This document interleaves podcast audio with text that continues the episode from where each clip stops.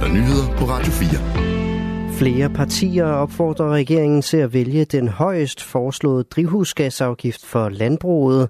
Det vil betyde en afgift på 750 kroner per ton udledt drivhusgas. Det er den eneste, der leverer den omstilling af landbruget, der er nødvendig, hvis vi skal nå klimamålene i 2030 og videre frem mod et klimaneutralt samfund, siger Pelle Dragsted, politisk leder af enhedslisten. Økonomen Michael Svare præsenterede i dag sit udvalgs anbefalinger til en CO2-afgift på landbruget. Her fremlagde han tre modeller med tre forskellige niveauer af afgift, og det er altså den mest aggressive, som enhedslisten hælder til. Også SF's formand Pia Olsen Dyr taler for en høj CO2-afgift. Det her er den største udfordring, vi står med i vores tid. Det er klimaudfordringen, og alle skal bidrage. Og hvis landbruget ikke gør det, så betyder det jo, at vi borgere eller industrien skal. Så landbruget skal i gang med den her omstilling, og den rigtige omstilling, det er at få en ensartet CO2-afgift. Siger hun til TV2.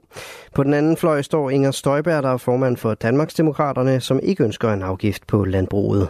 Vi kommer ikke med i det her, fordi jeg mener, at det er til skade for dansk landbrug. Men det er jo heller ikke særlig meget til gavn for klimaet, fordi rigtig mange af de her produkter, altså vi holder jo ikke op med at hverken at drikke mælk eller spise kød af den her grund, det vil jo bare blive produceret i udlandet. Alt lyden er fra TV2. Det er ikke kun klimaet, der har gavn af de anbefalinger om en CO2-afgift, der er landet i dag. Det har vores drikkevand faktisk også. Det mener Danva, som er en interesseorganisation for drikkevands- og spildevandsselskaberne. Professor Michael Svare og resten af ekspertgruppen foreslår nemlig støtte til 250.000 hektar ny skov. Og det er godt nyt for vores vand, siger direktør i Danva, Karl Emil Larsen det er rigtig glade for at få plantet øh, der, hvor vi vores grundvand dannes, fordi så bliver det ikke forurenet af andre aktiviteter. Så på den måde så får grundvandet i forhold noget, noget grundvand, som ikke bliver forurenet, også på lang sigt. Svareudvalget, der i dag kom med tre anbefalinger til en CO2-afgift på landbruget, havde i alle tre modeller en anbefaling om, at der indgår et tilskud til skovrejsning.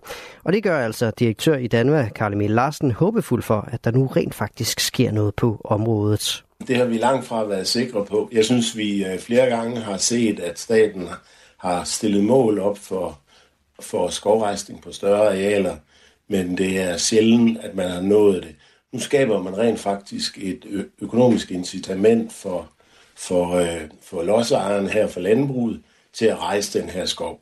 Det er endnu ikke besluttet, om regeringen vil følge anbefalingerne fra Svare ekspertgruppen. Storbritannien og Jordan har fra luften kastet 4 tons nødhjælp herunder medicin, brændstof og mad ned til et hospital i det nordlige Gazastriben. Det oplyser det britiske udenrigsministerium, skriver Reuters. Hjælpen, der er britisk finansieret, blev leveret af det jordanske luftvåben. Tusindvis af patienter vil få gavn af det, og brændstoffet vil muliggøre, at dette vitale hospital kan fortsætte sit livreddende arbejde, siger den britiske udenrigsminister David Cameron i en udtalelse.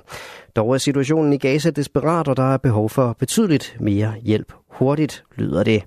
David Cameron opfordrer samtidig til en øjeblikkelig humanitær pause for at tillade yderligere hjælp til Gazastriben så hurtigt som muligt. Ved retten i Roskilde er Per Hansen, der flere gange tidligere er dømt under sit fødenavn Per Ulrik Karf, blevet idømt 3,5 års fængsel. Han har tilstået bedrageri for 10,5 millioner kroner og medvirken til hvidvask af 7 millioner kroner.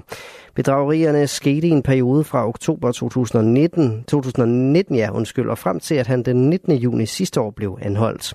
Mindst fire gange siden år 2006 er han blevet dømt for bedrageri, blandt andet begået, mens han afsonede. Per Hansen var i 2020 i kontant, hvor skjulkamera viste ham give rådgivning om selskabssvindel. En tur på mountainbike gennem en dansk skov gennem København eller langs stranden. Det er nogle af de i alt fem ruter, som den danske astronaut Andreas Mogensen kan vælge mellem, når han cykeltræner på den internationale rumstation ISS. Det fortalte han på et pressemøde tidligere i dag. Særlige virtual reality-briller, som han tester under sit ophold på rumstationen, gør det nemlig muligt for ham at skifte omgivelserne kortvarigt ud. I aften og nat skyde, stedvis diset og regn af og til. Temperaturer ned mellem 4 og 7 grader og let til frisk vind fra syd og sydvest ved kysterne stedvis hård vind. Det var nyhederne her på Radio 4 med Asbjørn Møller.